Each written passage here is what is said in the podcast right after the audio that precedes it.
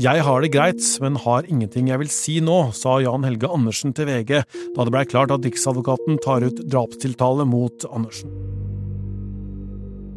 De mener å kunne bevise at han også drepte ti år gamle Lena Sløgdal Paulsen i Baneheia i Kristiansand i 2000. Jeg heter Tor Erling Tømtrud, og dette er Krimpodden i VG.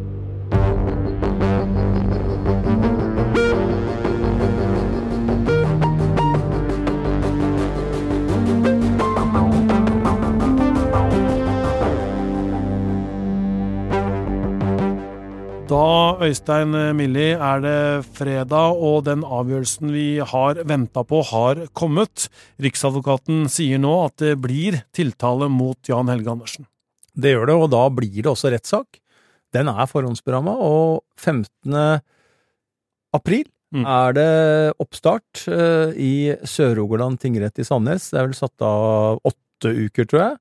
Og så vil det kanskje kunne bli endringer når man begynner å se på bevisoppgaver og hva som faktisk skal eh, legges frem i retten, men det blir helt opplagt en veldig omfattende rettssak med en mann på tiltalebenken, Jan Helge Andersen, og han er da, som du var inne på, tiltalt for, for drapet på Lena Sløgdal Pausen og risikerer å bli dømt for det. Han er jo allerede dømt for drapet på Stine Sofie Sørstøden, eh, men ble jo da ikke dømt for drapet på hun andre, eh, ble vel frikjent for det i rettssakene i sin tid, og så har jo da Viggo Kristiansen blitt frikjent for hele saken, eh, og så nå kommer eh, dette.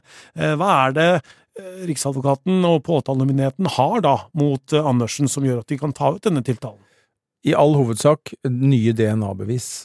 Det ble jo tatt en rekke nye analyser av det materialet man samla inn i Baneheia tilbake igjen i år 2000, i mai 2000, da jentene ble, jentene ble drept, så har vi vært innom mange ganger i mange saker at det har skjedd mye, og det skjer mye på DNA-teknologifronten, eh, og det gjorde jo at man kunne få nye resultater av gamle prøver, og der viste jo det at eh, blant annet da, at det var DNA, eh, påvist nye DNA-spor etter Andersen, på Lena Sløgedal Paulsen, som er av en sånn art at Riksadvokaten og statsadvokaten mener at eh, det holder til domfellelse eh, av han, etter at Viggo Kristiansen da er frikjent og ute av saken, og når det da er DNA-bevis fra Andersen på Lena Støgdal Paulsen, eh, eller det som ble funnet på henne, så, så har det endt sånn for Andersen, som jo er, for han, en veldig dramatisk situasjon. Han risikerer nå å måtte gå inn igjen i fengsel, fordi at han ble jo dømt til 19 års fengsel for det ene drapet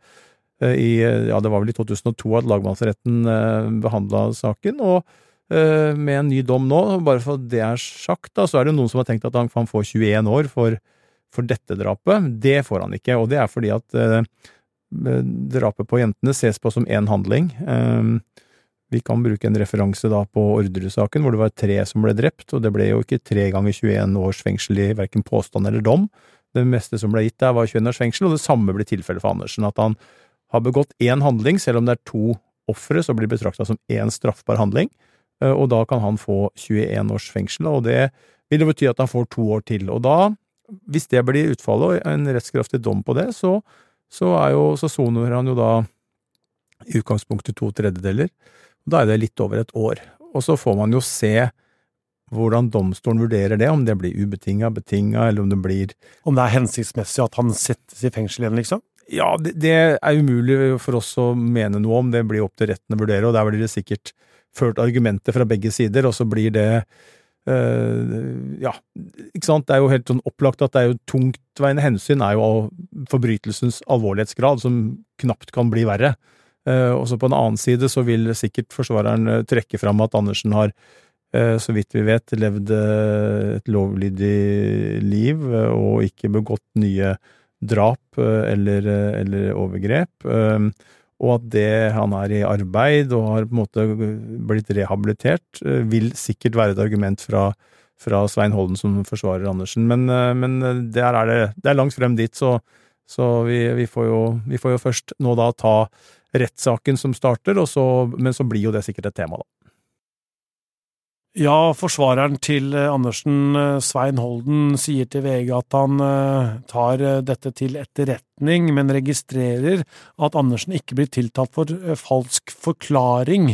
For han blir tiltalt for drap, og ikke den falske forklaringen at han da innlemma Viggo Kristiansen i denne forklaringen hans, som gjorde at Viggo ble dømt da i sin tid.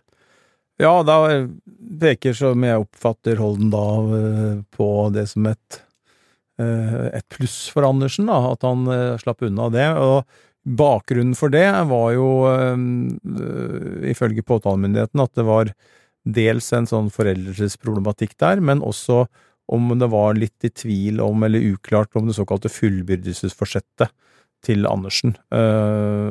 Så Hva betyr det?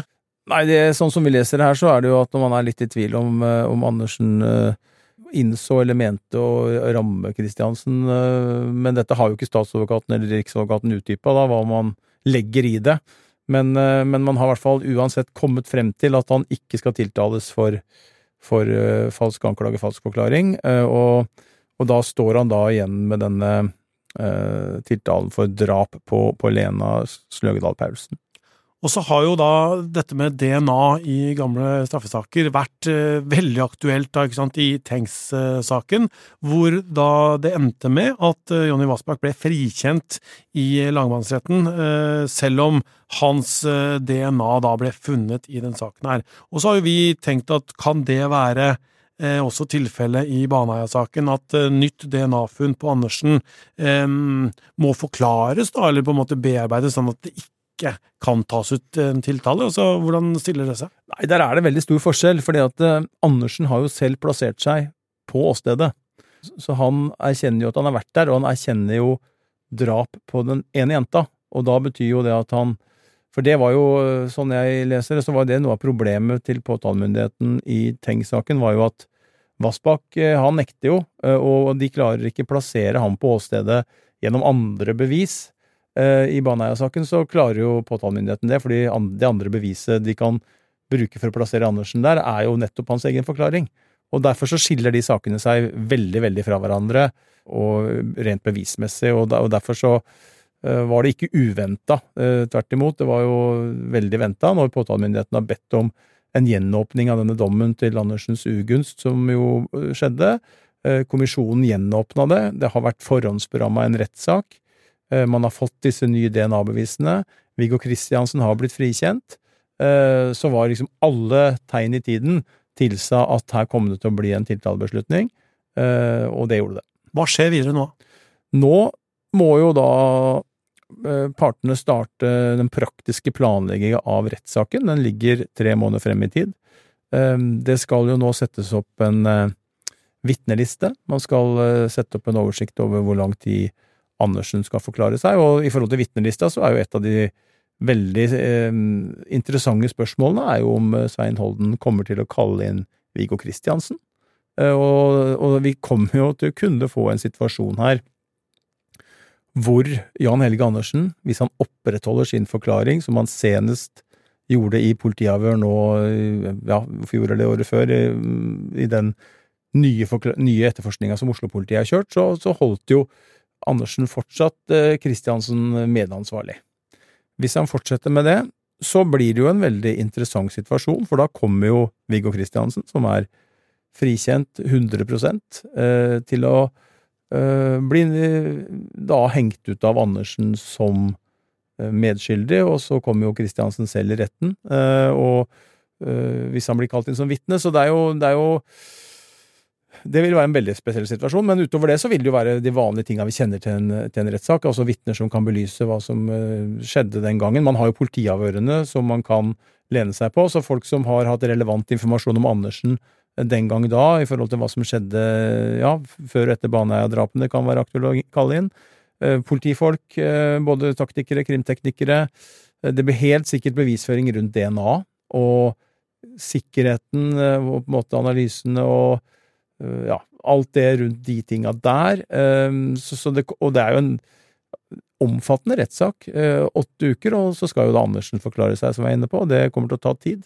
Så det, det kommer til å skje at man nå rent sånn praktisk må begynne å, begynne å, å forberede det. Og jeg regner også med at, ehm, at foreldrene til de drepte får muligheten til å forklare seg. sånn at det blir mye sånn praktisk nå, for nå er mye av den nå er den juridiske kverna foreløpig ferdig med å male. Nå har man vært igjennom de stegene vi har vært innom med frifinne Viggo Kristiansen, gjenåpne tiltale, beramme sak. Så nå blir det mye å få på plass hvordan denne saken skal se ut og avvikles. Og vi må vel legge noen planer, for vi må tilbringe en del tid i Sandnes vi da i april måned? Det må vi, og det skal vi. Det er klart dette er en, en veldig stor sak. Baneheia-drapene er et nasjonalt traume. En sak som i sin form var grufull på alle plan. To små jenter som ble mm, lokka opp i, i skogen, voldtatt, drept. Helt grusom handling. Og så, i tillegg, så har man jo hatt den rettsskandalen som nå denne saken her er en del av. Det at Andersen blir tiltalt for drap nummer to, med gjenåpninger og ja, de kampene som er, er, er kjempa fra, fra, fra, Viggo Kristiansens side for å, for å renvaske seg. Så, så, det er jo en veldig, veldig spesiell sak på flere plan. Og det er klart at denne saken kommer mediene til å dekke, dekke bredt. Vi sa tidligere denne uka at vi skulle oppsummere rettssaken der Anders Behring Breivik eh, har saksøkt eh, staten også, denne, denne, fredagen i dag, da, hvis du hører på i dag. Eh, den episoden den, den, jobber vi med, og så skyver vi litt på den, og den kommer jo da på mandag morgen. Det gjør den, så det er bare å følge med. Krimpodden består av eh, Hanna Espevik, Ruth Einvoll Nilsen, produsent Vilde Våren og krimkommentator Øystein Milli. Jeg heter Tor Erling Tømtrud, og Emilie Hall Torp er nyhetssjef.